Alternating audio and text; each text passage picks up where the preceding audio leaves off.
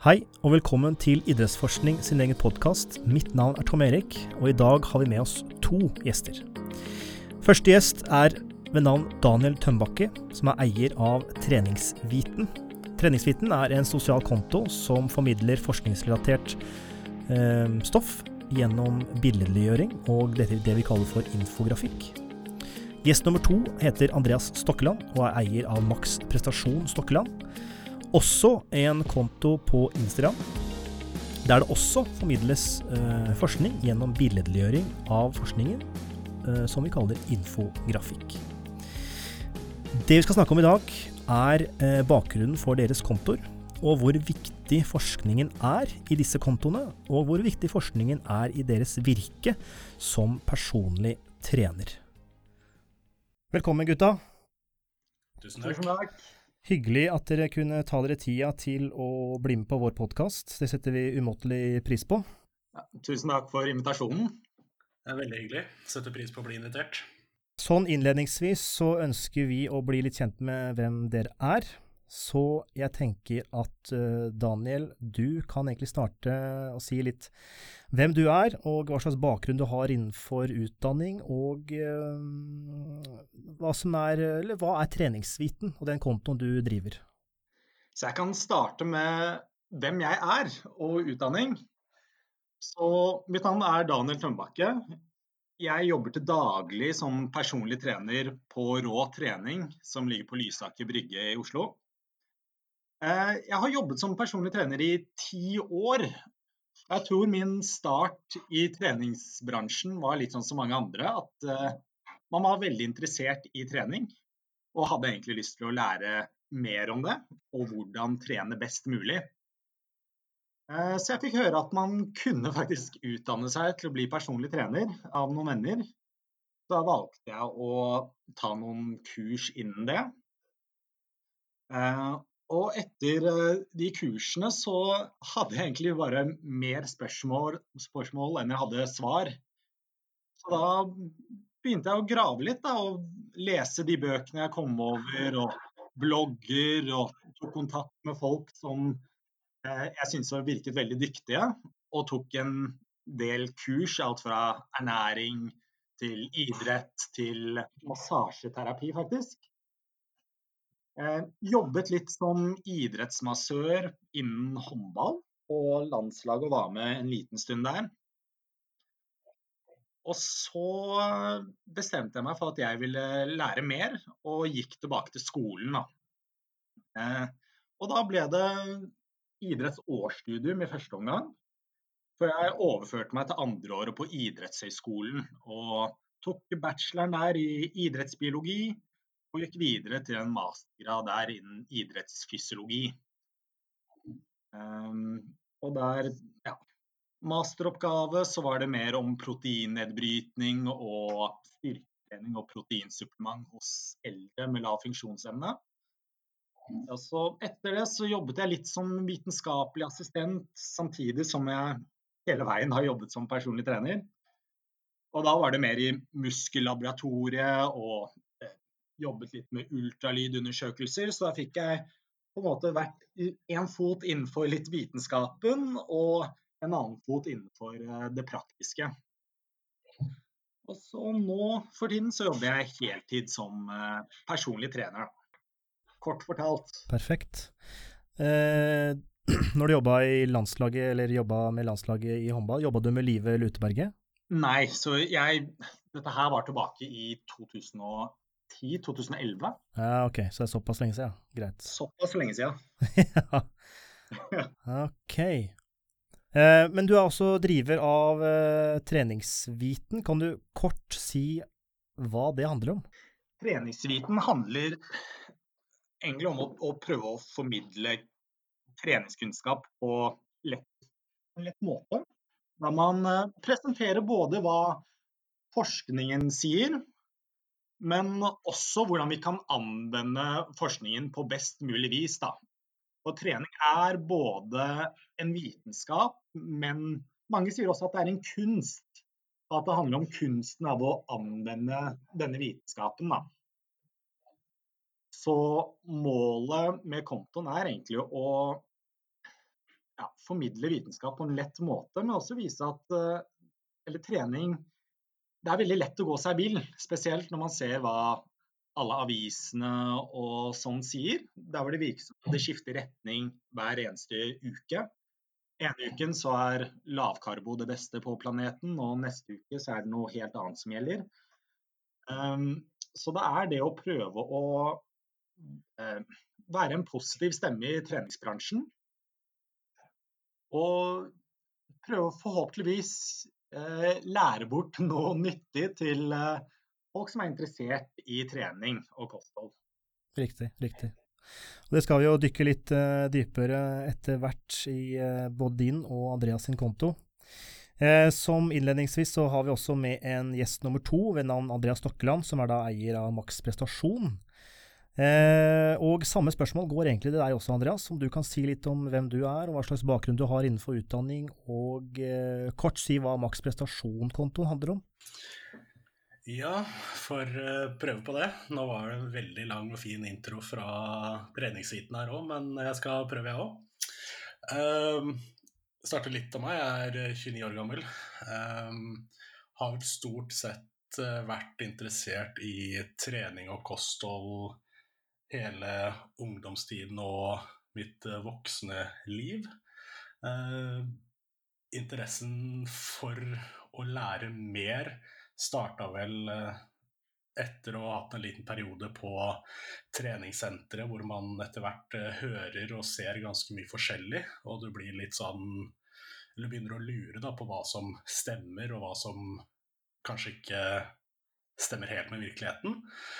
Så jeg ønsket egentlig å ta en utdanning slik at jeg selv kunne gjøre noen kvalifiserte vurderinger da, når det kommer til min egen trening, men også da kanskje på sikt kunne hjelpe andre.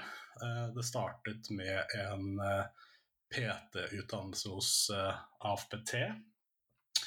Og litt sånn som treningsviten også nevnte, så blir jo på en måte det et slags startkit du blir sittende med. Og jeg hadde jo også flere spørsmål enn svar Eh, etter jeg var ferdig der. Og jeg fant ut at jeg hadde lyst til å lære enda mer. Eh, valget sto jo da mellom enten å gå litt innenfor idrettsvitenskap eller ernæring. Jeg endte da opp med å gå ernæringsveien, hvor jeg har eh, bacheloren min fra Bjørknes.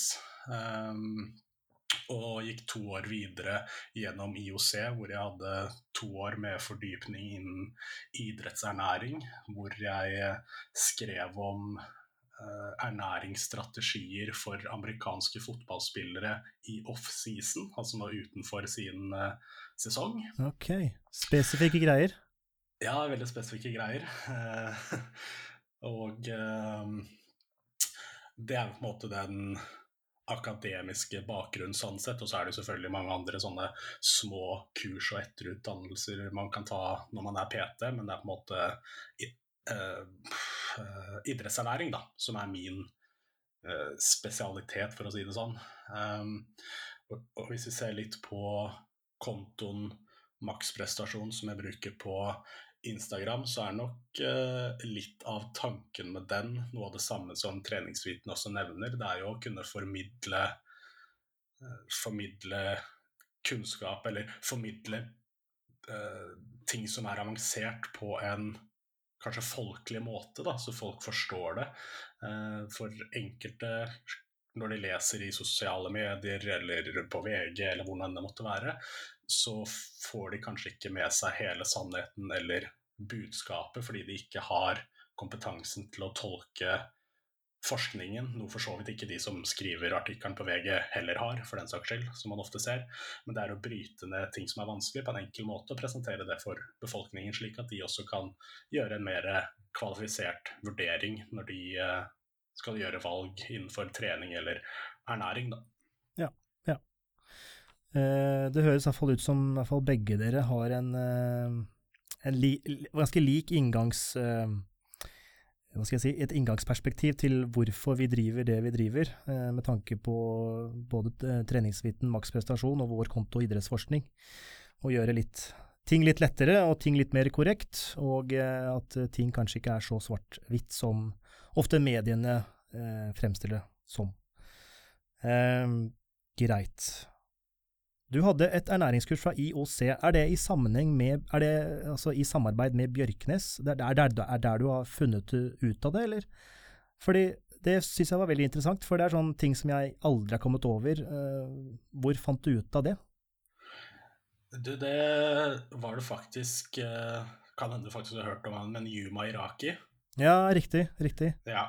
Det var han som uh, først skulle Eller han nevnte for meg at han skulle starte opp med det, og så ble jeg litt nysgjerrig. Og så leste jeg meg litt opp på det videre. Um, og meldte meg på det, eller sendte søknad og litt fram og tilbake og fikk, fikk, plass der. Men det er, det er ikke sammen, eller som en del av Bjørknes. Bjørknes ble jeg på en måte ferdig med, og så ønsker jeg å gå videre og kunne studere ernæring enda litt til. Da, og spesialisere meg innen idrettsernæring, siden det er det jeg, det jeg brenner for. Da.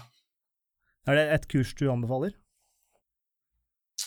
ja, så absolutt. Men da gitt at man har en god del kunnskap fra før. Da. Det krever jo da som regel en bachelor eller et eller annet du kan vise til som gjør så du kvalifiserer for opptak. Men det er absolutt et ekstremt, ekstremt bra kurs for de som kvalifiserer til det. Ja, ja. Ok, bra. Eh, som, vi, som, dere begge har tisa litt med, så dere, driver dere en konto, eller sosial konto hver der du, Andreas, driver maksprestasjon, og du, Daniel, driver treningsviten. Eh, og allerede nå så har dere på en måte sagt litt av bakgrunnen for uh, hvorfor dere har begynt med denne kontoen. Eh, hvordan, Vi kan starte med deg, Andreas. Du startet uh, Det er vel kanskje ett eller to år siden du kanskje startet å poste disse veldig symmetriske innleggene som har en fargekode som jeg er veldig misunnelig på. Eh, som er veldig enkelt og eh, godt forklart. Og jeg eh, ble Eller vi begge, jeg og Matthew, ble veldig inspirert av din konto. Og også noe av grunnen til at vi ønsket oss å starte opp, eh, starte opp vår egen eh, sosiale, sosiale konto, men hadde en litt annen retning. Men eh, hvordan startet dette her? Og Eh, hva slags respons fikk du i starten? Kan fortelle litt om det? Ja, takk for det. Um, hyggelig at dere setter pris på kontoen. Um, ja, det starta for uh, røftlig ett år siden. Um, jeg har jo hatt selve Instagramen min mye lenger enn det, men uh, fant ut at jeg hadde lyst til å prøve å formidle trening og ernæring på en veldig enkel måte. Og så har jeg alltid vært fan av eh, sånn infographic eh, selv. Når jeg har sett andre som driver med f.eks. For forskning, så er det noen professorer som er veldig flinke til å formidle gjennom infographics og gjør det enkelt å forstå for uh, folk som kanskje ikke har den kompetansen som kreves. Og da vil jeg prøve å være en la oss si norsk variant da, av det, siden det meste er på engelsk. Um, så det var vel egentlig sånn det starta. Responsen til å starte med er jo ikke så enorm. Det er, jeg hadde 2000 følgere eller et eller annet så i fjor da jeg starta med det. Så responsen da var jo ikke sånn supergod, men det er jo bare å gjøre ting daglig. Jeg tror jeg de første 90 dagene eller noe, eh, første tre månedene, så tror jeg jeg posta hver dag, bortsett fra jeg gikk glipp av fire dager eller noe, tror jeg. Så da posta jeg ja, innlegg så å si hver eneste dag for å få opp synligheten da, på det jeg driver med. Eh, så folk husker det og vet hvor de kan gå for informasjon. Og så begynte jeg å bruke story, en del Instagram story, også for å øke, øke synlighet, basically. Mm, mm. Og 2000 følgere i starten av en etablering av konto, det syns vi er helt enormt. For vi, vi, har jo bare ja, 400 omtrent. Så eh, det, det, skal du være fornøyd med, tror jeg. I hvert fall eh, sett relativt til andre norske kontoer som driver med det samme. Um, Daniel, du driver treningsviten, og du driver også med infografikk, og så, som nevnt innledningsvis, så ønsket du også å forenkle forskningen eh, og eh, billedliggjøre den. Og eh, når var det du startet, og hva er det som fikk deg til å starte? Og hva slags respons er det du fikk? Så jeg har vel gjort dette litt over et år, tror jeg. Startet vel rundt september i fjor. Og da var det egentlig en Jeg har hatt lyst til å gjøre det egentlig lenge, men så er det et sånt velkjent fenomen som jeg tror mange som sitter med utdanning innen trening og ernæring kjenner på, og det er det derre imposter syndrome. Uh, at man liksom føler at uh, man, man, kjenner ganske sterkt på det, at liksom, det er så mange dyktigere ute. Min stemme har ingenting å si, jeg kommer bare til å dumme. At man begynner liksom å snakke seg selv litt ned. Men så følte jeg at det er Og så at det er ganske få som holder på med, med akkurat det, da. Eh, å prøve å formidle eh, forskning eh, på en lett måte. Så fikk jeg masse tips av forskjellige når jeg når jeg fortalte at jeg hadde lyst til å starte med dette her, da, med forskningsformidling. Jeg har egentlig ikke tatt til meg så mange av de tipsene jeg fikk. For det var mange tips om at det ikke er så interessant med, med forskningsformidling. Eh, eller i hvert fall den måten jeg hadde lyst til å gjøre det på. Men så ser man innenfor andre temaer at sånne bøker som 'Skjermen med tarmen' og sånne ting, det, det, er jo superpopulære. Så min tanke var jo at folk har jo lyst til å vite hvorfor. Folk vil jo ikke bare ha en oppskrift, men de vil også vite hvorfor man skal gjøre disse tingene. Da. Og hva, hva og hvordan og hvorfor.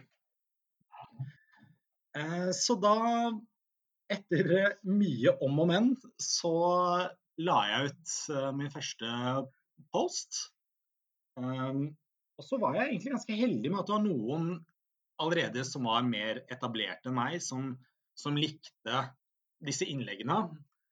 Og, og, delte det videre på sin story. Og så, så bygget det seg sakte, men sikkert opp.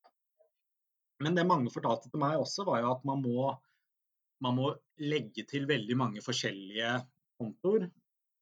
Og, og liksom, hvis du eh, blir venner med veldig mange, så vil kontoen gå bra. Mens min tanke var litt sånn at hvis folk liker det man legger ut, så vil de følge det uansett. Så da var det mer Jeg følger jo ingen på min Instagram, og det er eh, litt sånn på trass. Men det er eh, også det å se om det er sånn en genuin respons, at folk er genuint interessert. da. Du vil ha ekte følgere? Jeg vil ha ekte, ekte følgere. Det tror jeg alle, alle, vil ha, er ekte følgere. Og man ser jo på f.eks. Max Prestasjon sin konto at han har jo veldig mange ektefølgere. Eh, og i motsetning til meg, så er han veldig dyktig til å, til å virkelig følge opp og legge ut, eh, ut eh, jevnlig. Så det jeg, jeg drar mye inspirasjon fra sånne kontoer som han også. Men det er litt som, som, han sa, at man ser at i USA og andre steder så er det er disse kontoene med infografikk veldig populære. Og det er få av de kontoene i Norge, så jeg tenkte at det var Jeg ville være en av de som eh, gjorde det på norsk. Og ja Prøvde å spre litt god informasjon. Ja, men det har du absolutt uh, klart. Eh, men benytter du deg av stories? Andreas nevnte at han benytta seg av stories ganske, ganske radig. Gjør, gjør, du det i samme grad? Og... Jeg startet å eksperimentere litt med mer sånn filming. at jeg legger ut deler innlegg som jeg syns er interessante fra andre, og kanskje noen nyheter eller artikler som jeg syns er spennende også litt sånn små klipp fra min egen trening for å prøve å inspirere litt på den måten også. Eh, vise litt det praktiske, samtidig som jeg prøver å vise det teoretiske også. Da. Jeg prøver å spille litt på begge sider. Vise litt uh, praksis, og så dele litt teori. Uh, Men uh, foreløpig jeg, jeg har en plan om å komme dit, jeg også. Men foreløpig så har det ikke vært så mange sånne spørsmålsrunder Uh, sånn som Andreas er veldig, veldig flink på.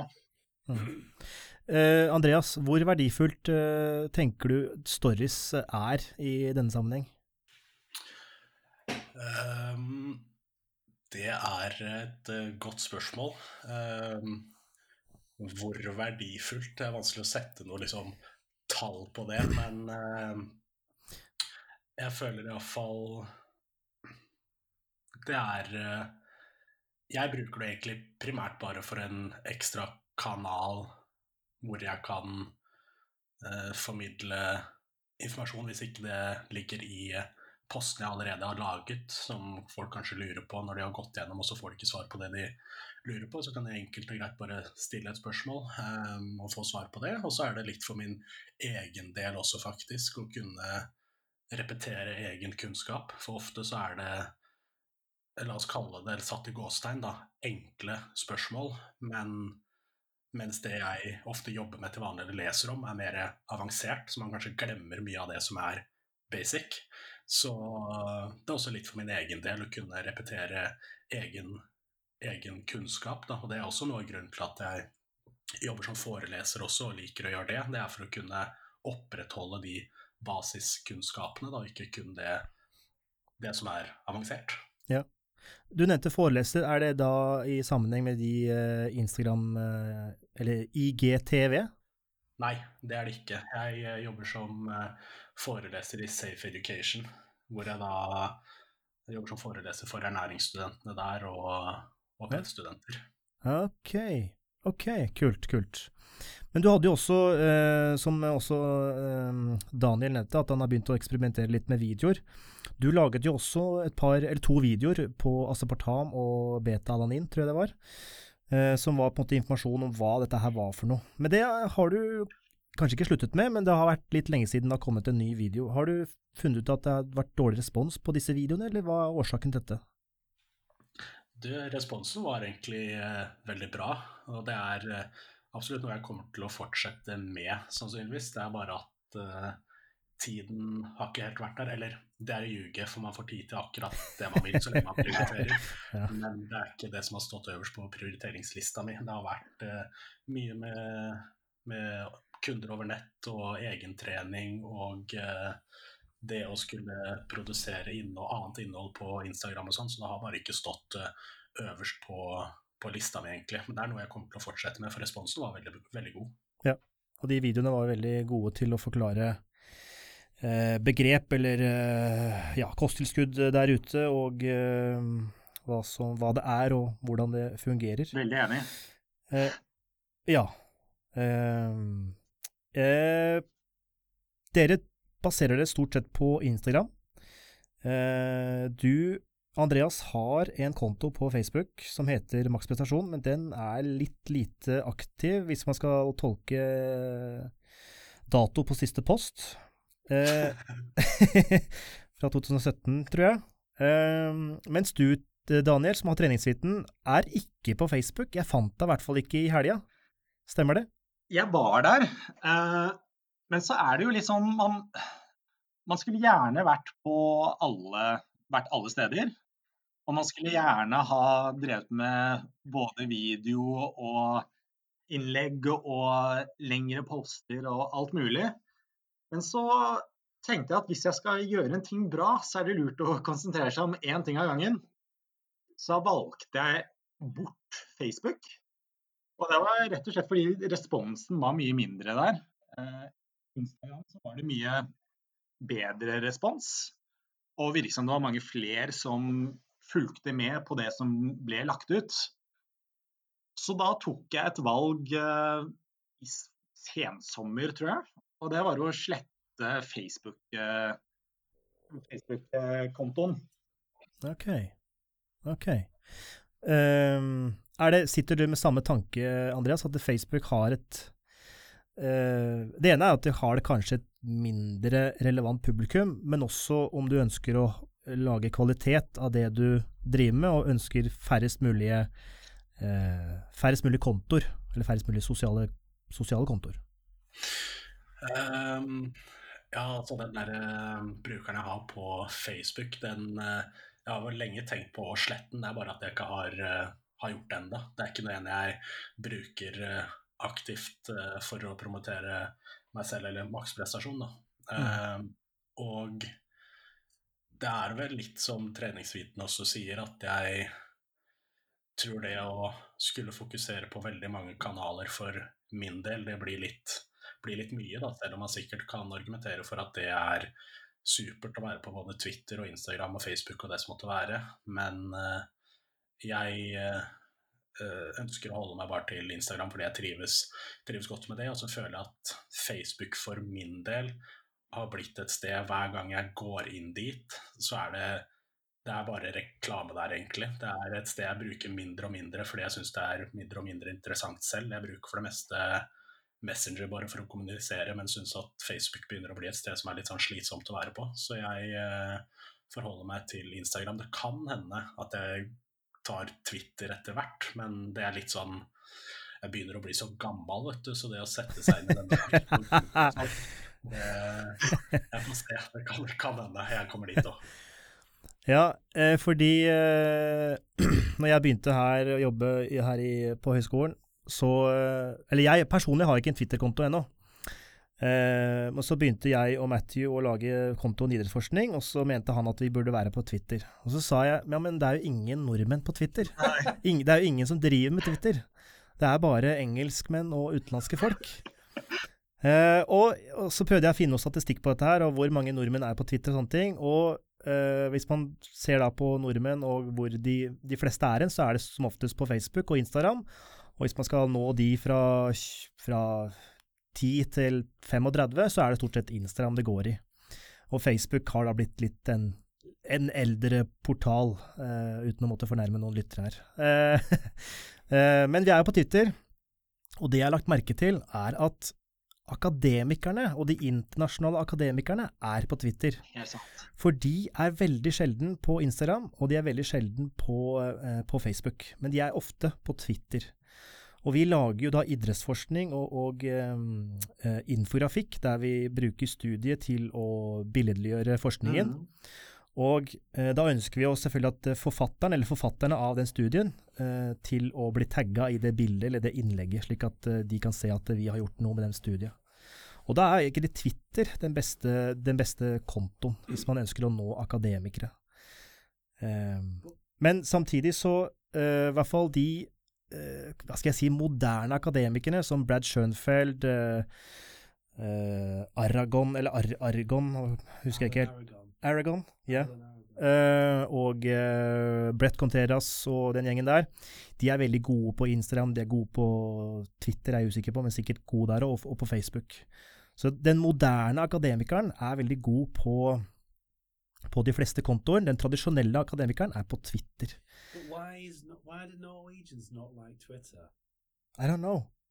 Så spørsmålet mitt, da, etter en veldig lang innledning, er at uh, hva er grunnen til at dere ikke er på Twitter?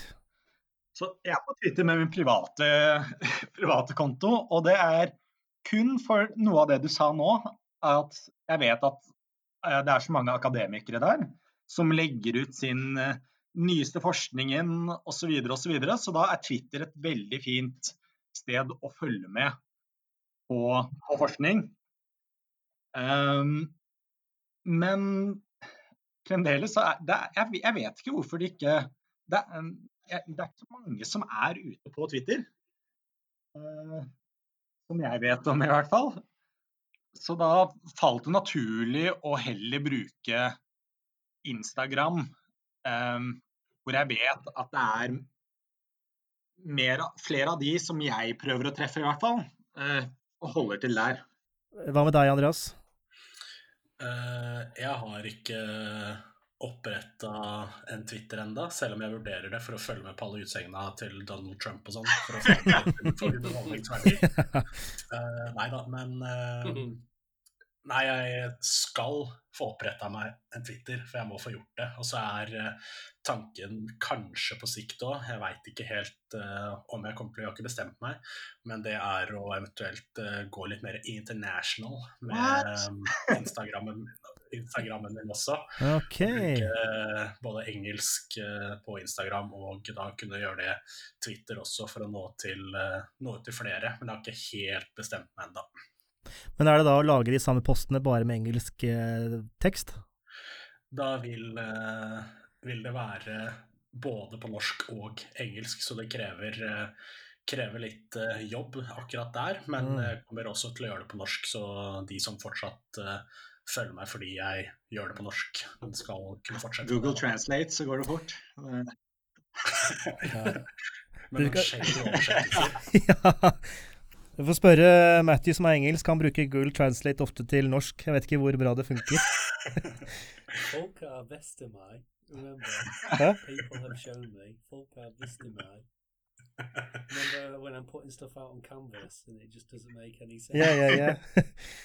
Nei, eh, ja, eh, Google Translate tror jeg fungerer til en viss grad, men eh, jeg tror ikke jeg hadde stort på det 100% Men absolutt en god inngangs, inngangsbillett. Ehm, begge dere billedgjør forskning, og har dere Eller hvem har dere hentet inspirasjon fra, og er det Jan Lemur? Hvis dere vet hvem det er. Eh, ja, det hørtes kjent ut. Uh, Her googles det, hører jeg. ja, gjør. Men eh, eh, Jan Lemur er jo i hvert fall vår inspirasjonskilde, som har Jeg tror altså her, Nå skal jeg komme med en dristig påstand, men jeg tror han er eh, pioneren eh, med å lage infotrafikk innenfor forskning. Og da spesielt eh, alt innenfor eh, ja, om, om det er fotball, eller om det er løping, eller om det er langrenn, eller sånne ting. Jeg har fulgt mye med på han, eh, må jeg innrømme. Men også en som heter Chris eh, Beasley, som holder på med Ja. strength and conditioning research. Så det er liksom blanding av flere, vil jeg tørre å påstå. Ja. Eh, Der hvor eh, Lemur sin eh, hva, heter han igjen? Le, Jan Lemur. Lemur, ja. Hans er litt for avanserte for jeg er, ikke, jeg er ikke så flink ennå. Nei.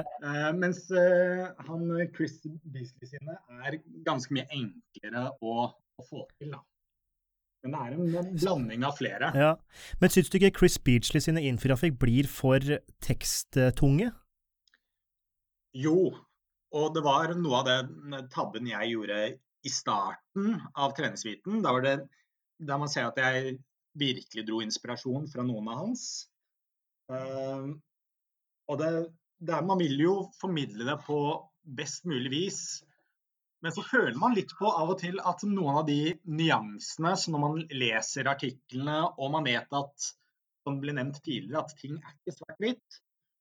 Men så skal man forkorte ned en uh, forskningsfelt eller en forskningsartikkel ned til en slide eller tre. Så, så går det på bekostning av eh, veldig mye. Og det kjenner, kjente i hvert fall jeg litt på i starten. Mye av de tingene som jeg synes var viktig, eh, må man dessverre kutte bort. Eh, så ja, jeg er enig i at det blir eh, for mye tekst. Og jeg kjenner det selv når jeg er litt sånn sliten, at jeg orker ikke å lese all den teksten da, han har på sine. Eh, mens den eh, Jan Lemur sine er, er litt lettere å få med seg. Men også Jan Lemur i det siste har gått uh, I hvert fall da han starta, så var det litt mer billedlig, litt mindre tekst. Og jeg syns Jan Lemur har beveget seg i en retning som, der han prøver å putte inn enda mer informasjon i samme bilde. Det er i hvert fall en trend jeg tror jeg ser. Men han har jo noen uh, utrolig gode bilder, vil jeg påstå. Men det som er på en måte ulempen med tekst på Instagram, er at du må sitte og zoome hele tida, og det er jo ugunstig. Hvis ikke du sitter på Instagram på PC-en, men det er vel de aller fleste gjør vel Ja, det ikke er det. sjeldent. Men hva, hvor hentet dere deres inspirasjon fra? For dere holder jo på med eh, det samme, infografikk, dere også.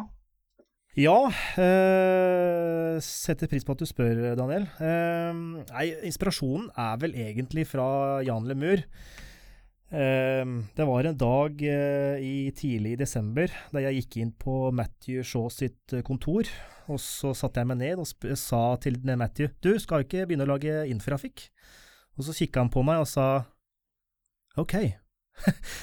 og så snudde han seg igjen, åpna Powerpoint og begynte å lage menneskelige figurer i Powerpoint. Så så enkelt var det å få med seg, få med seg en person på dette her. No, I was just gonna. I was gonna add on to that when you when you just why I wanted to do it. Og eh, så Jeg har jobba fem år i videregående også, så jeg har jo retta en del treningslære og treningslæreoppgaver. Og der, blir jo, der ønsker vi at elevene skal kildereferere.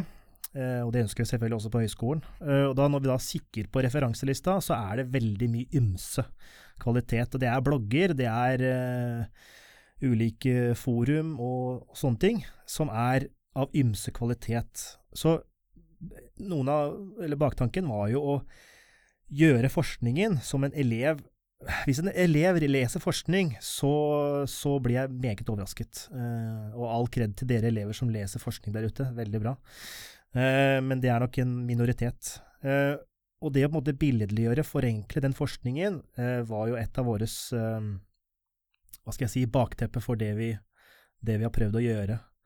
Men så ser vi også at øh, vår billedliggjøring er nok litt primitiv, fordi vi bruker øh, PowerPoint og får kanskje ikke de øh, supergode visuelle bildene som f.eks. du, Andreas, får til med maksprestasjon, og du, Daniel, får, får gjennom med treningsviten.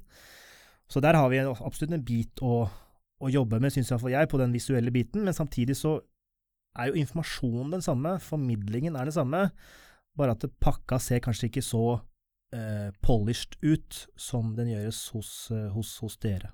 Hvordan føler jeg at kontoen deres er blitt tatt imot av kollegene deres og Ja, interessant. Eh, vi var på et kurs i Oslo eh, i, regi av NIH, der vi møtte en eh, forsker, jeg skal ikke nevne navn, men han er en forsker, og han er kjent i det norske fagmiljøet. Og Der satt jeg og snakka med han og sa at vi, vi har starta litt med infografikk, vet du hva det er? Og han sa nei. Å ja, ok. Og så hadde, hadde vi da gjort en infrafikk av uh, hans forskning. Nå har jeg røpet meg litt, men uh, vi har jo mange in infra... It was Ah, yeah, yeah, yeah, yeah, true, true, true. Yeah. Så det var, det var noe av um, Nei, vi viste, vi viste infrafikken av den forskningen som gikk i samme tema som han også forsker på, Ja. og viste han. Og han eh, Hva skal jeg si? Han hadde et veldig nøytralt blikk når han kikka på disse bildene. Fordi han helt åpenbart skjønte ikke greia. Nei. Eh, men jeg tror at fra den datoen til i dag, så tror jeg flere og flere folk skjønner greia, og spesielt akademikere, som er dessverre litt, litt trege når det kommer til det nymoten, så når det kommer til det digitale og teknologiske. Så er de litt trege. Eh, men jeg tror det, jeg tror det er det kommer mer og mer på banen. Eh, og vi har fått stort sett eh, god respons, eh, eller nøytral respons. Eh, og at det er nok ikke alle de eldste som ikke helt forstår hvorfor vi gjør dette her. Så I think it's uh, it's pretty. I would say it's 50-50. You know, um, I just rotate that? So like, you've got basically people who um, are kind of appreciative of it, you know, and appreciative of like the podcast and are interested in that. And then you've just got others who've just got absolutely zero interest, and um, you've still got people again, like Tom Hanks says, you don't want to name people, but I think you do have a very much a definitive split where I don't know if you two are familiar with the kind of. Sorry, my earphones are all over the place, but I don't know if you two are familiar with the kind of um, I don't know what you call it, but the publication system here where you've got level one and level two tier journal articles. Yeah. And basically, level two is better than level one, and it gets you essentially more funding and stuff. And you've got people who basically are only interested in publishing in as high a journal as possible. It's almost like, right, it's published, what's it? Whereas me and Tom Eric are like, well, do something with it. And like I said, some people are happy to publish in an article and almost like, or I feel it's almost like not bothered if anybody reads it or not because it's in this database now. Mm. And then you've got others who are quite interested in pushing it. And two of our close colleagues, Otler and Vida, who've been on the podcast, you know, they'll say, yes, the research isn't groundbreaking, but it's really useful for lots and lots of people. And people like Brett Contreras have shared their research and images on Instagram. And for us, or yeah, I'm sure Tom Eric agrees, that kind of reach to nearly a million people is far better than publishing in a high impact factor journal that only 100 people will read. So, yeah, I, I just feel like there are two camps. The one Tom Eric mentioned in Oslo, Mm. and then you've got others. But I think you can turn people. I think we've worked with people who may have been in one camp and then have realised, oh, actually, yeah, we can do something with our research beyond publication. Hmm. But just to go back to the original point before I stop talking, like, yeah, when Tomite came into the office in December, we was kind of chatting, and I was like, because I teach the students in English, but I use Norwegian Pensum. And I've got to admit, it's like you've basically got a couple of textbooks which are pretty hardcore or nothing. The rest is in English. Hmm. So, like, yes, everyone in Norway is very, very good in, in English, but we shouldn't just expect them to be able to read scientific information in Norwegian. Uh, sorry, in English. There's got to be some kind of middle middle way there in Norwegian. I think what you two are doing and what we're trying to achieve as well is that middle way. We're also not saying just read infographics. We're saying at least let that be a starting point because a lot of the times I have um, Udanin Samtala with students. They basically just say, yeah, the English stuff's pretty heavy going. So there's no like light introduction for them. It's either hardcore stuff or nothing. For det er det mange av de jeg også har snakket med synes, er at engelsk er, er veldig vanskelig. Det er veldig vanskelig å lese forskningsartikler, bare det, men også å lese det på engelsk. Eh, Så det å At det er noen som gidder å oversette på en enkel måte. Eh, Og så er det jo grunn til at vi også legger, eh, legger referansen der. Og det er jo sånn at folk faktisk kan sjekke opp det vi har på infografikken. Da. At man kan se hvor vi har hentet eh, det vi sier fra. Og så kan, eh, kan man på godt og vondt eh, grille oss litt ekstra for det man har skrevet. Ja, Absolutt.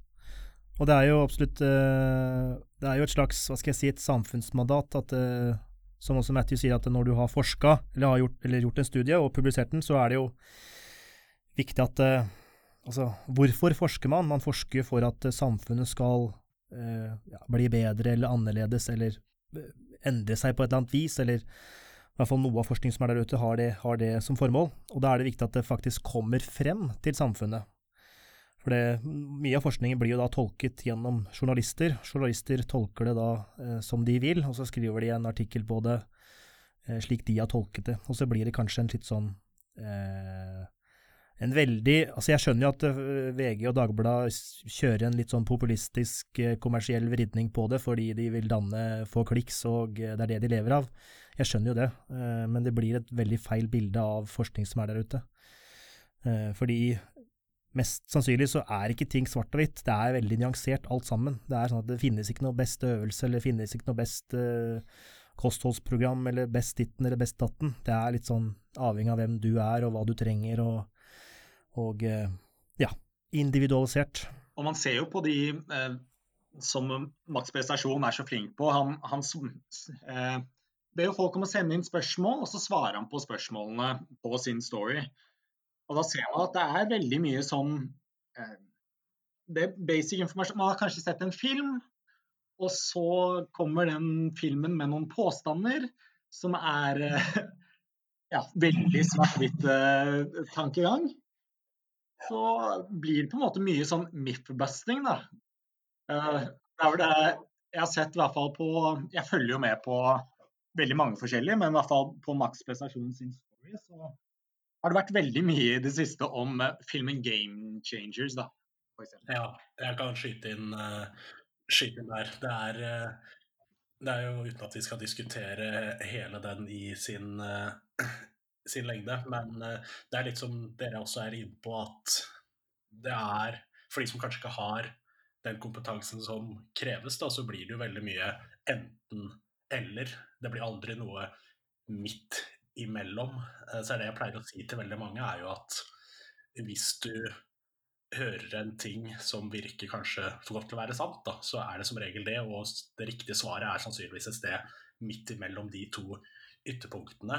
Um, men ja, det der spesielt det eksempelet du trakk fram, uh, treningsviten, er jo at uh, The Game Changer er jo nå det siste som er veldig hot, og at alle skal uh, slutte å spise animalske produkter fordi det gir deg eh, kreft, og du presterer dårlig, og livet går nedenom og hjem, hele greia. Men eh, ser man på den evidensen som foreligger, så er det ingenting som tyder på at det å ha et, eller inkludere eh, animalske kilder i nei, jo, animalske kilder i kostholdet sitt er problematisk. Men vi kan alle være enige om at det å spise en mye større andel av frukt og grønt og bær og nøtter og være fysisk aktivitet og hele den biten der er superbra. Men det betyr ikke at du må ekskludere animalske produkter av den grunn, da. Mm. Alt med måte er det, vel et, er det vel ting som heter. Det er helt riktig, og det er jo et eh, prakteksempel på, på akkurat det. Men så er jo vi, vi mennesker alltid på jakt etter det nye og det revolusjonerende og ting som går litt imot kanskje det som er, er la oss kalle det normalen, da, for det er jo spennende og virker nesten litt sånn revolusjonerende. Så alle vil jo da slenge seg på det. Det er jo sånn vi er av, av natur. Ja. ja. absolutt. Men det er veldig lett. Jeg får jo Kjør, kjør på, Daniel. Uh, av og til så blir jeg overrasket over man, man, er jo alltid på jakt, jakt etter det nyeste og det beste, men jeg blir alltid overrasket at man glemmer alltid basicen. Uh, at man f.eks. er på jakt etter uh, Mange snakker om pre-workout, f.eks.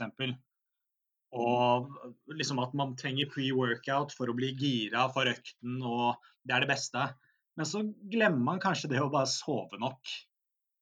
Eh, så man, man, har en tendens til å liksom lete etter et tilskudd eller noe ekstra, istedenfor å kanskje fokusere på at får jeg til, får jeg til basicen, Får jeg på en måte trent så og så mange ganger i løpet av en uke, eller får jeg spist nok frukt og grønt, eller får jeg?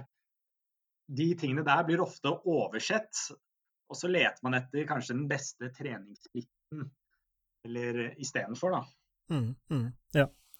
At, at man uh, ofte trenger en ytre stimuli for å komme i gang med et eller annet. Og man, som dere begge sier, at de leiter etter en Minste motstands vei er det vel også noe som heter, uten at jeg skal dra opp alle Eller alle Hva skal jeg si ordtak her i den podkasten. Ja, og skyte inn en liten ting. Gjør det. Ja, og det er jo egentlig bare for å komme nok et eksempel som veldig mange kan prøver igjen, relatere seg til. Det er jo når det kommer til ernæring, siden det ble nevnt pre-workout, så er jo det er ikke uvanlig at jeg får melding om uh, et eller annet tilskudd som skal føre til vektreduksjon, f.eks. Men så glemmer de jo gjerne, hvis du ser på Nå er det ikke sikkert alle her klarer å visualisere det, da, men hvis du ser for deg en pyramide, da, og så ser vi oss for en ernæringspyramide hvor bunnen, altså fundamentet, er det viktigste, og så toppen er det som er minst viktig. Så kan vi jo se for seg at liksom det i bunnen er jo det å uh, energibalansen din, kalorier inn og ut. Og så har man eventuelt en spesifikk fordeling av makronæringsstoffer, og så er det mikro, og så er det timing av næring osv. Og, så videre, og, så og helt, helt, helt på toppen av den pyramiden så har vi kosttilskudd. I praksis så betyr jo det at kosttilskudd er ganske li, har ganske liten betydning for folk flest, også når det kommer til vektnedgang. Problemet er jo at folk gjerne snur denne pyramiden opp ned.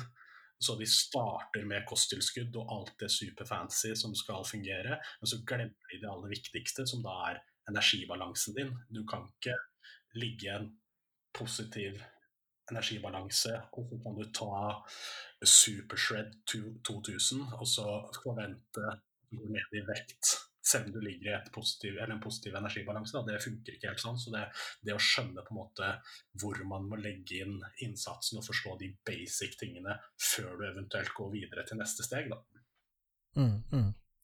Og derav viktigheten med, hva skal jeg si, ikke, ikke deres samfunnsmandat, jeg skal ikke pålegge dere noe sånt noe, men uh, viktigheten av deres kontoer mot å Kanskje ikke motvirke den tankegangen, men i hvert fall å justere den tankegangen, som du sier, at å få snudd denne pyramiden eh, riktig vei, og fokusere på de tingene som faktisk utgjør en større forskjell enn hva en pre-workout eh, vil, vil utgjøre.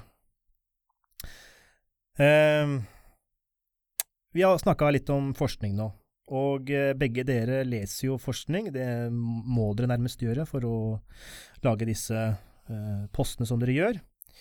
Men dere jobber jo også begge som uh, personlig trener. Og hvor viktig er forskning inn mot det å jobbe som personlig trener, og i deres, uh, i deres yrke? Ja, um, da kan jeg starte her, ja. Um, det er nok altså hvor viktig det er. Jeg tror det å, bare det å jobbe som PT, så trenger du, mener jeg, da, så trenger du ikke å være den som leser så enormt mye forskning og har uh, abonnementer på alle mulige uh, journaler og virkelig går inn i forskningen. Um, for majoriteten av de PT-kundene som er der ute, de er ikke spesielt avanserte, og de trenger egentlig bare å komme seg litt i aktivitet og bevege på, bevege på kroppen. Og lære seg litt eh, bevegelse, hoftebevegelser, knebevegelser og litt dytt og drag. Eh, kan du det, på en måte, så kommer du ganske, ganske langt da, med de aller, aller fleste. Og hvis du i tillegg følger sånne fantastiske kontoer som det vi tre har, så takk, for, takk for det. så, så har du på en måte en god god inngang. Da. Det er det jeg også har Eh, det også jeg har gjort veldig mye da jeg uh, gikk ut etter jeg var ferdig å studere, men også før det, var jo å finne, prøve å finne uh, eventuelle hva skal man si, nyhetsbrev, da, eller whatnot, hvor man kan følge forskere som bryter ned mye av den forskningen og forteller det på en enkel måte, så jeg slapp å lese absolutt alt av den avanserte forskningen som jeg nødvendigvis ikke skjønte meg så veldig mye på. Så jeg tror at hvis du er en PT, eh, så er det mange som forventer og tenker at man må være veldig, veldig god akademisk, og det forventes at du skal lese mye forskning og sånne ting for å holde deg oppdatert, men jeg tror du kommer veldig langt med, med PT-utdannelsen din, i tillegg til selvfølgelig den interessen du har for faget etterpå, men også det å følge slike, slike kontoer da, som prøver å bryte ned den forskningen som er der ute, og presentere det på en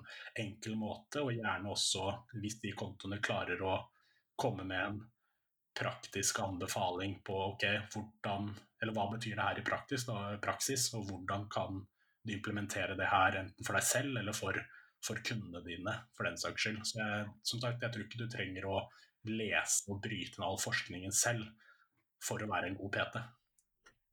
Men tror du at det hjelper?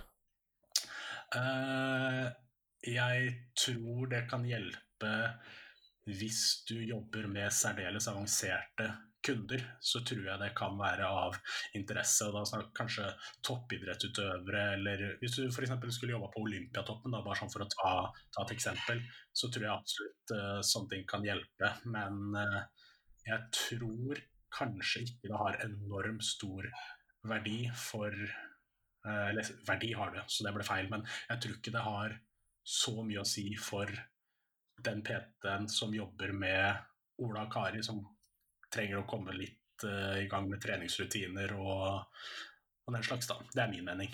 Ja, ja. ja. Hva tenker du eh, rundt dette, Daniel? Uh, jeg tenker at man må i hvert fall ha en veldig eller en god forståelse for treningsfysiologi. Uh, har man liksom en god forståelse i, i fysiologien, så, så, så, kan man på en måte se om en claim er, er troverdig eller ikke. Men så er det jo vi som jobber som Peter, vi, det handler ikke bare om forskningen. Det handler også om, eh, om, måten vi anvender det på. Men så handler det også mye om personlig preferanse.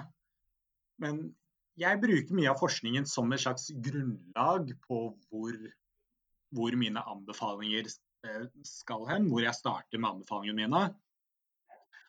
Og så bruker jeg også mye egenerfaring for liksom hva har fungert tidligere. Hva er det jeg synes er best, best mulig for denne, denne personen og dens mål, osv. Men så er det også personen selv, da. Den kunden man har foran seg. Jeg kan ha lest en artikkel om at én uh, ting er bedre enn en annen, men så snakker jeg med den kunden, og så viser jeg at den misliker virkelig å gjøre det som er optimalt ifølge litteraturen. Um, så det er liksom Nå blir det veldig mye snakk om sånn kunnskapsbasert praksis, er det liksom man er inne på nå. Med at man bruker mye av forskningen, men så må man også bruke sin, uh, sin erfaring og, og uh, ja, preferansen til kundene sine. Um, så jeg mener man må i hvert fall kunne lese forskning. Tror jeg er, kan være veldig positivt. Uh, men å være oppdatert på det nyeste av det nyeste og ha alarmer, sånn som jeg tipper Maks Prestasjon også har, om når den nye artikler kommer ut. Jeg tror ikke det er nødvendig for de fleste PT-ene. Det tror jeg ikke. Men tror du det er den akademiske mm, sansen som skiller den veldig god PT-en til den mindre gode PT-en? Det er et vanskelig spørsmål.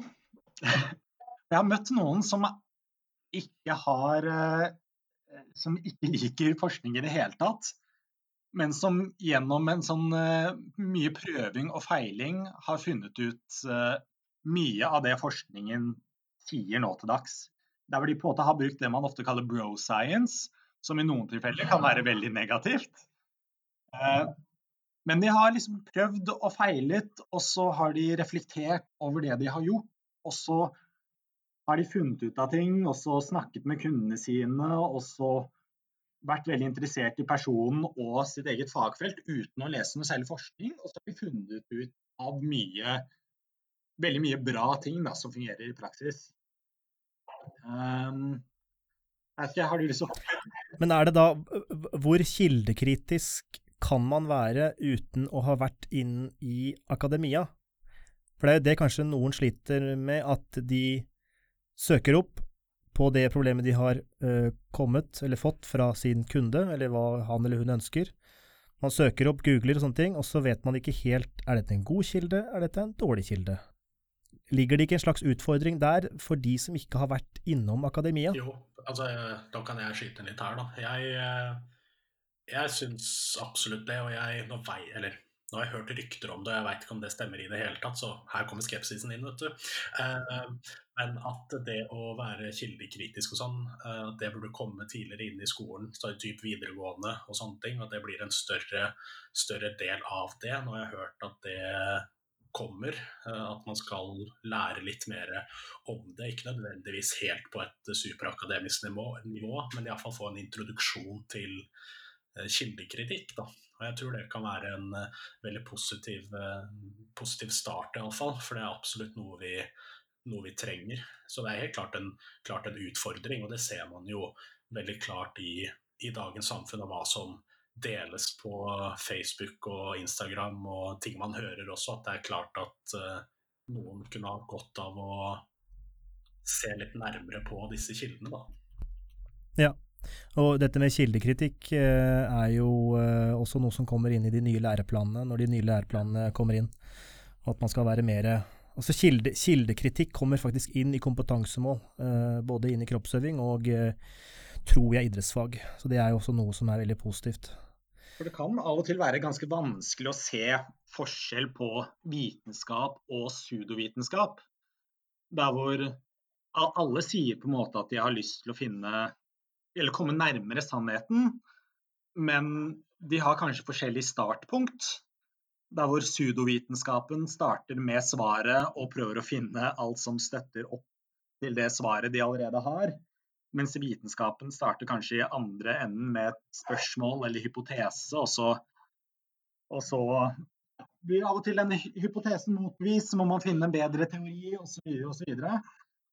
Og jeg tror det å starte med kildekritikk veldig tidlig, å lære seg å se forskjellen, eh, er nødvendig for oss alle, eh, vil jeg tørre å påstå.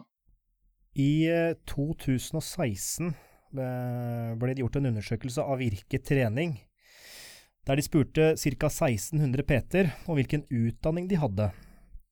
Og det de kom fram til, var at ca. to tredjedeler hadde relevante kurs inn mot det å være PT. Og relevante kurs og eller opptil 30 studiepoeng innenfor PT-utdanningen. PT som vi, som vi alle vet, eller i hvert fall vi vet, fordi vi har hatt en liten pause, så har det også vært en undersøkelse fra 2017 og 2018, men i lesing av disse to dokumentene så finner vi ikke noen nyere tall. Men denne to tredjedelen, der de har nokså, hva skal jeg si, lite utdanning mot det å være PT, tror dere det har noe å si? For dere, begge dere har jo akademiske grader med bachelorgrad og henholdsvis mastergrad. Uh, og vi har selvfølgelig toucha innpå det, uh, men har Altså, er dette bildet representerbart for uh, i 2019? Um, når det kommer til disse 30 studiepoengene, så er jo det noe jeg veit du kan få gjennom bare den PT-utdannelsen du tar. Så vet jeg at bl.a. Akademi for personlig trening eller noe, så tror jeg du kan melde deg opp slik at du da får de 30 studiepoengene. Så jeg tror eh, eh, når det kommer til utdanning generelt, så vil jeg si at det å ha en, en utdanning, tilleggsutdanning da, som er relevant for det, det, det, du driver med, enten om det er innenfor ernæring, eller om det er behandling i fysioterapi, eh, kiropraktor, eller om Eller om det er eh, mot eh, id idrettsvitenskap, så tror jeg det er noe de aller fleste kan ha godt av.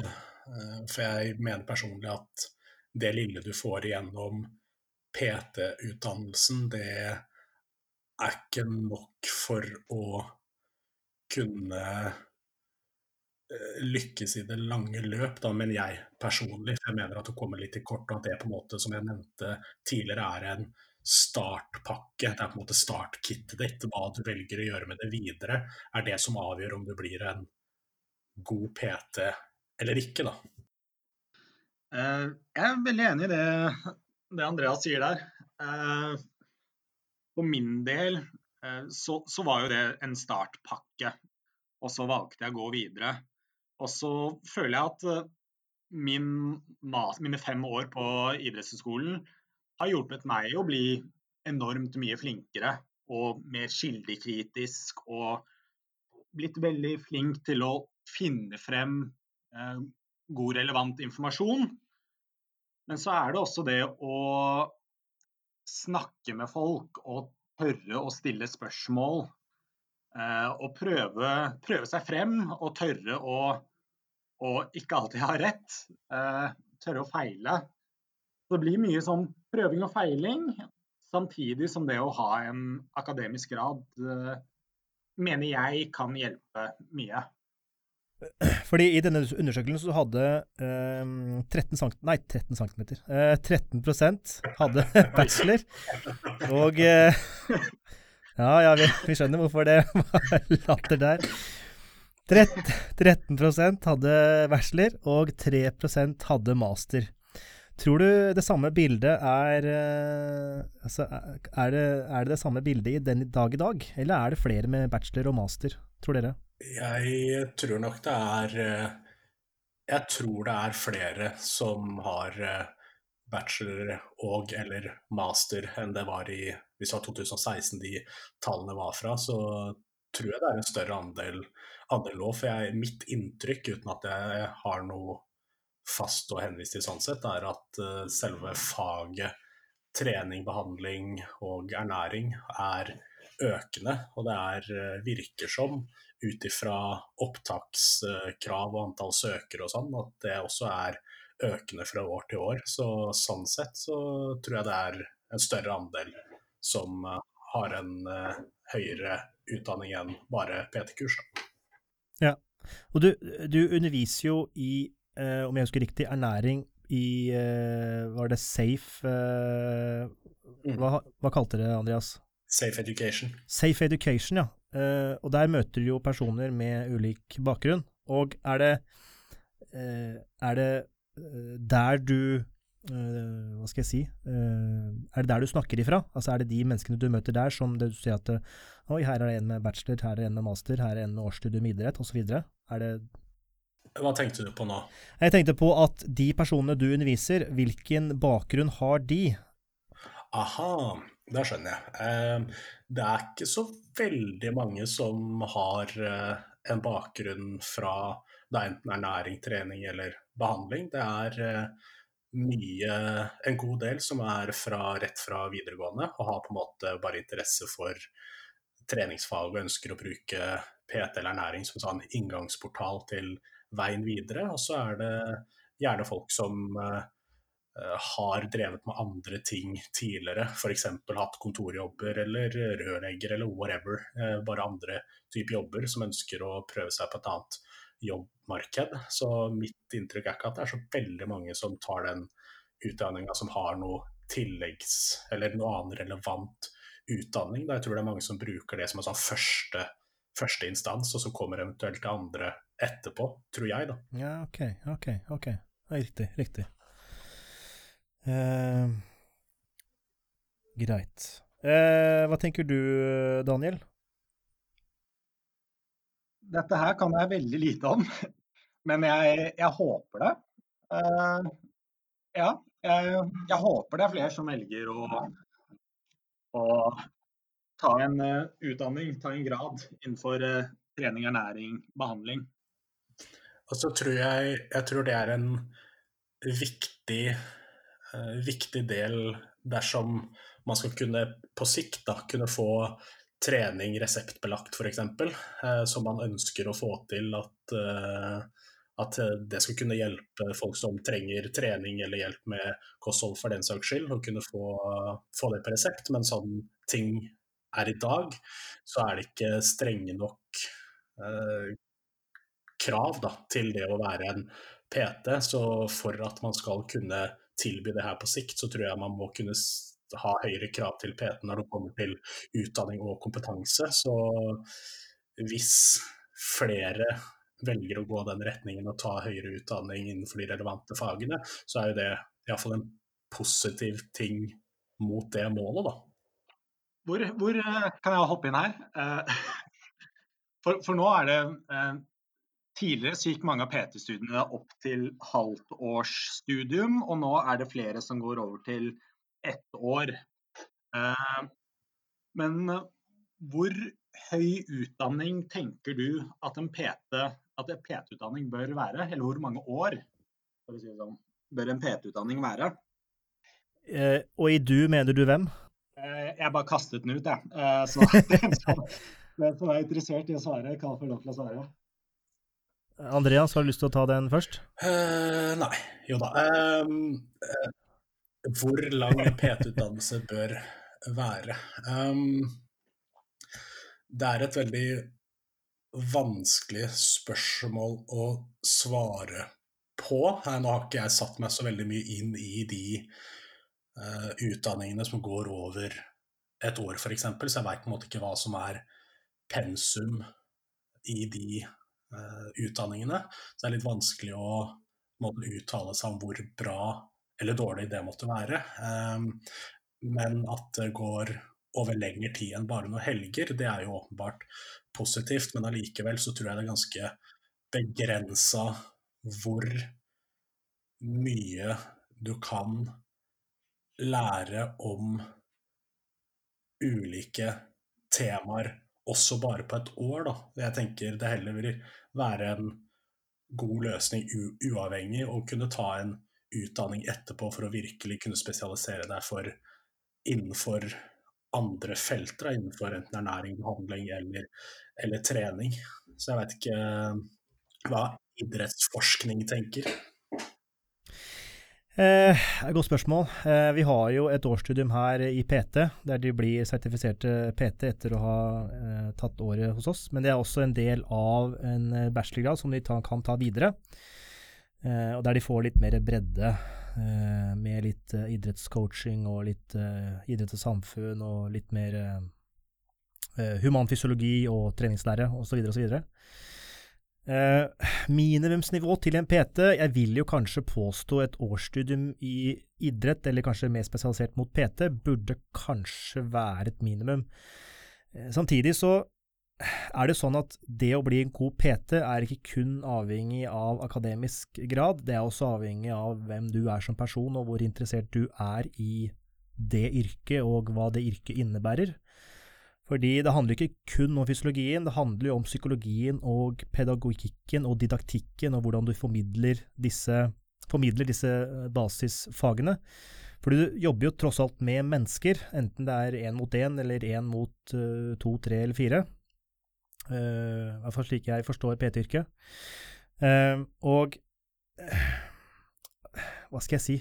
Jeg tror nok potensialet er større med en høyere akademisk grad, men du kan fortsatt bli en veldig god PT selv med eh, Og kun i da hermetegn årsstudium i PT eller idrett.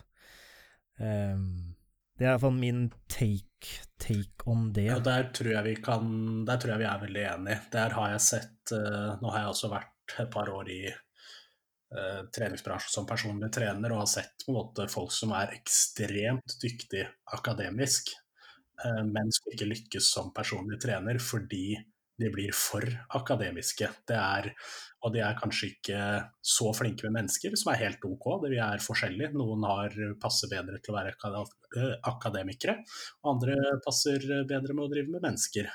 Og det er på en måte helt greit. Og så har jeg sett det motsatte også. Folk som ikke er like sterke akademiske, men som er fantastisk dyktige med mennesker, som gjør det sinnssykt bra.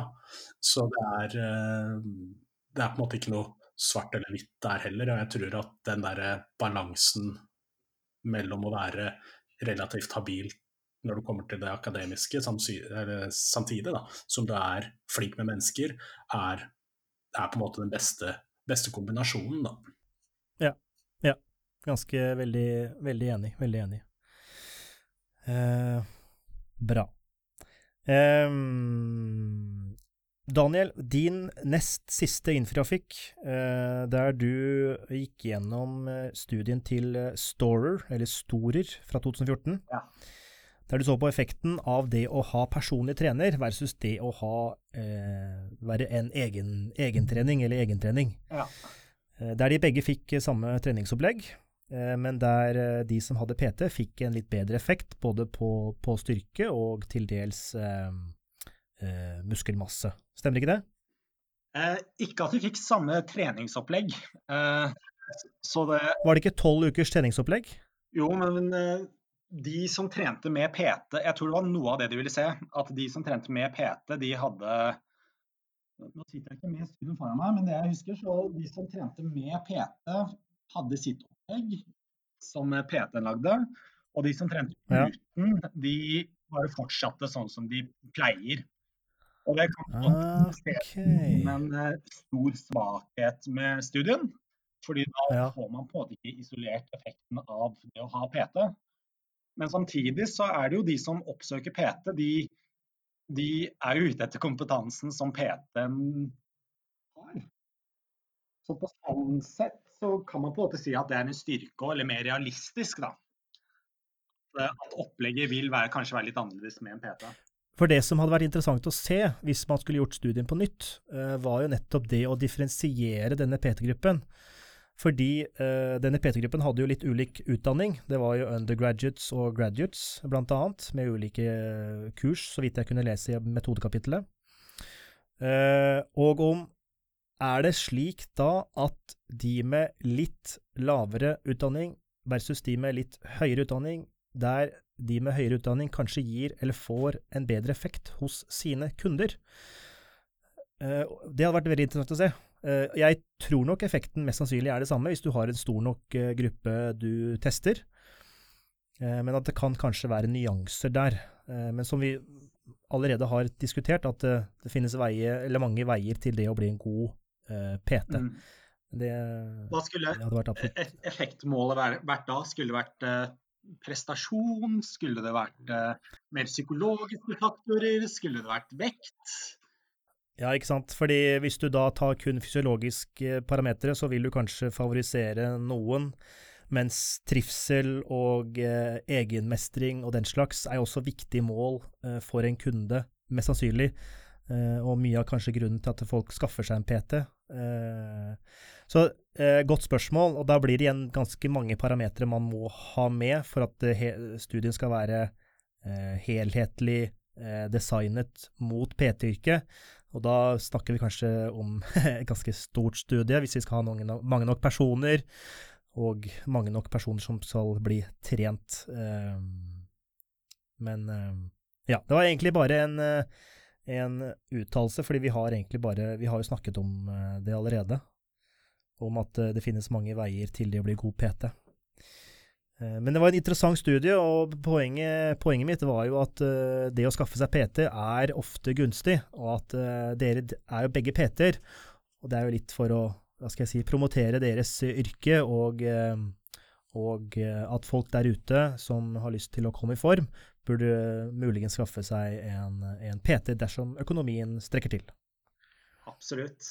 Ja. Og det var en interessant studie av kan hende jeg sier feil navn nå, Anne Marte Rustad? Ja. Rustad? Ja. Fra 2017, som også viste det samme.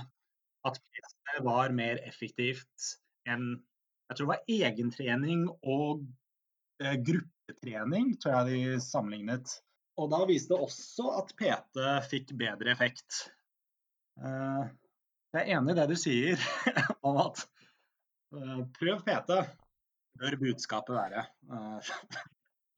Eh, siste uttalelse fra meg, eller siste spørsmål, er Er vi i ferd med å bli for opptatt av akademia og forskning, slik at vi, vi glemmer den verdifulle erfaringskunnskapen?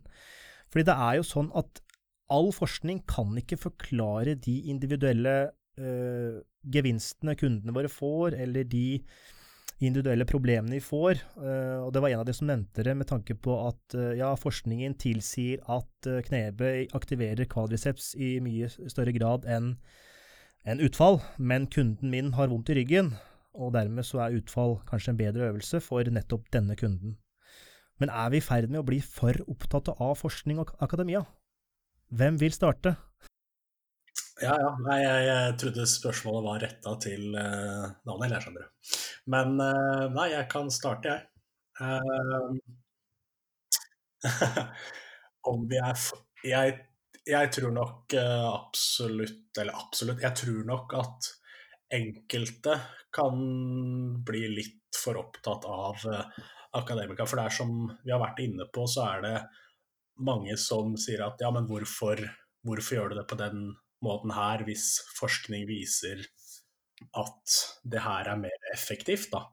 Så er det litt at det, det er bedre å følge et program du klarer å gjennomføre, som kanskje ikke er 100% i tråd med forskningen, enn at du får et program som er 100% i forskningen, som du ikke klarer å gjennomføre.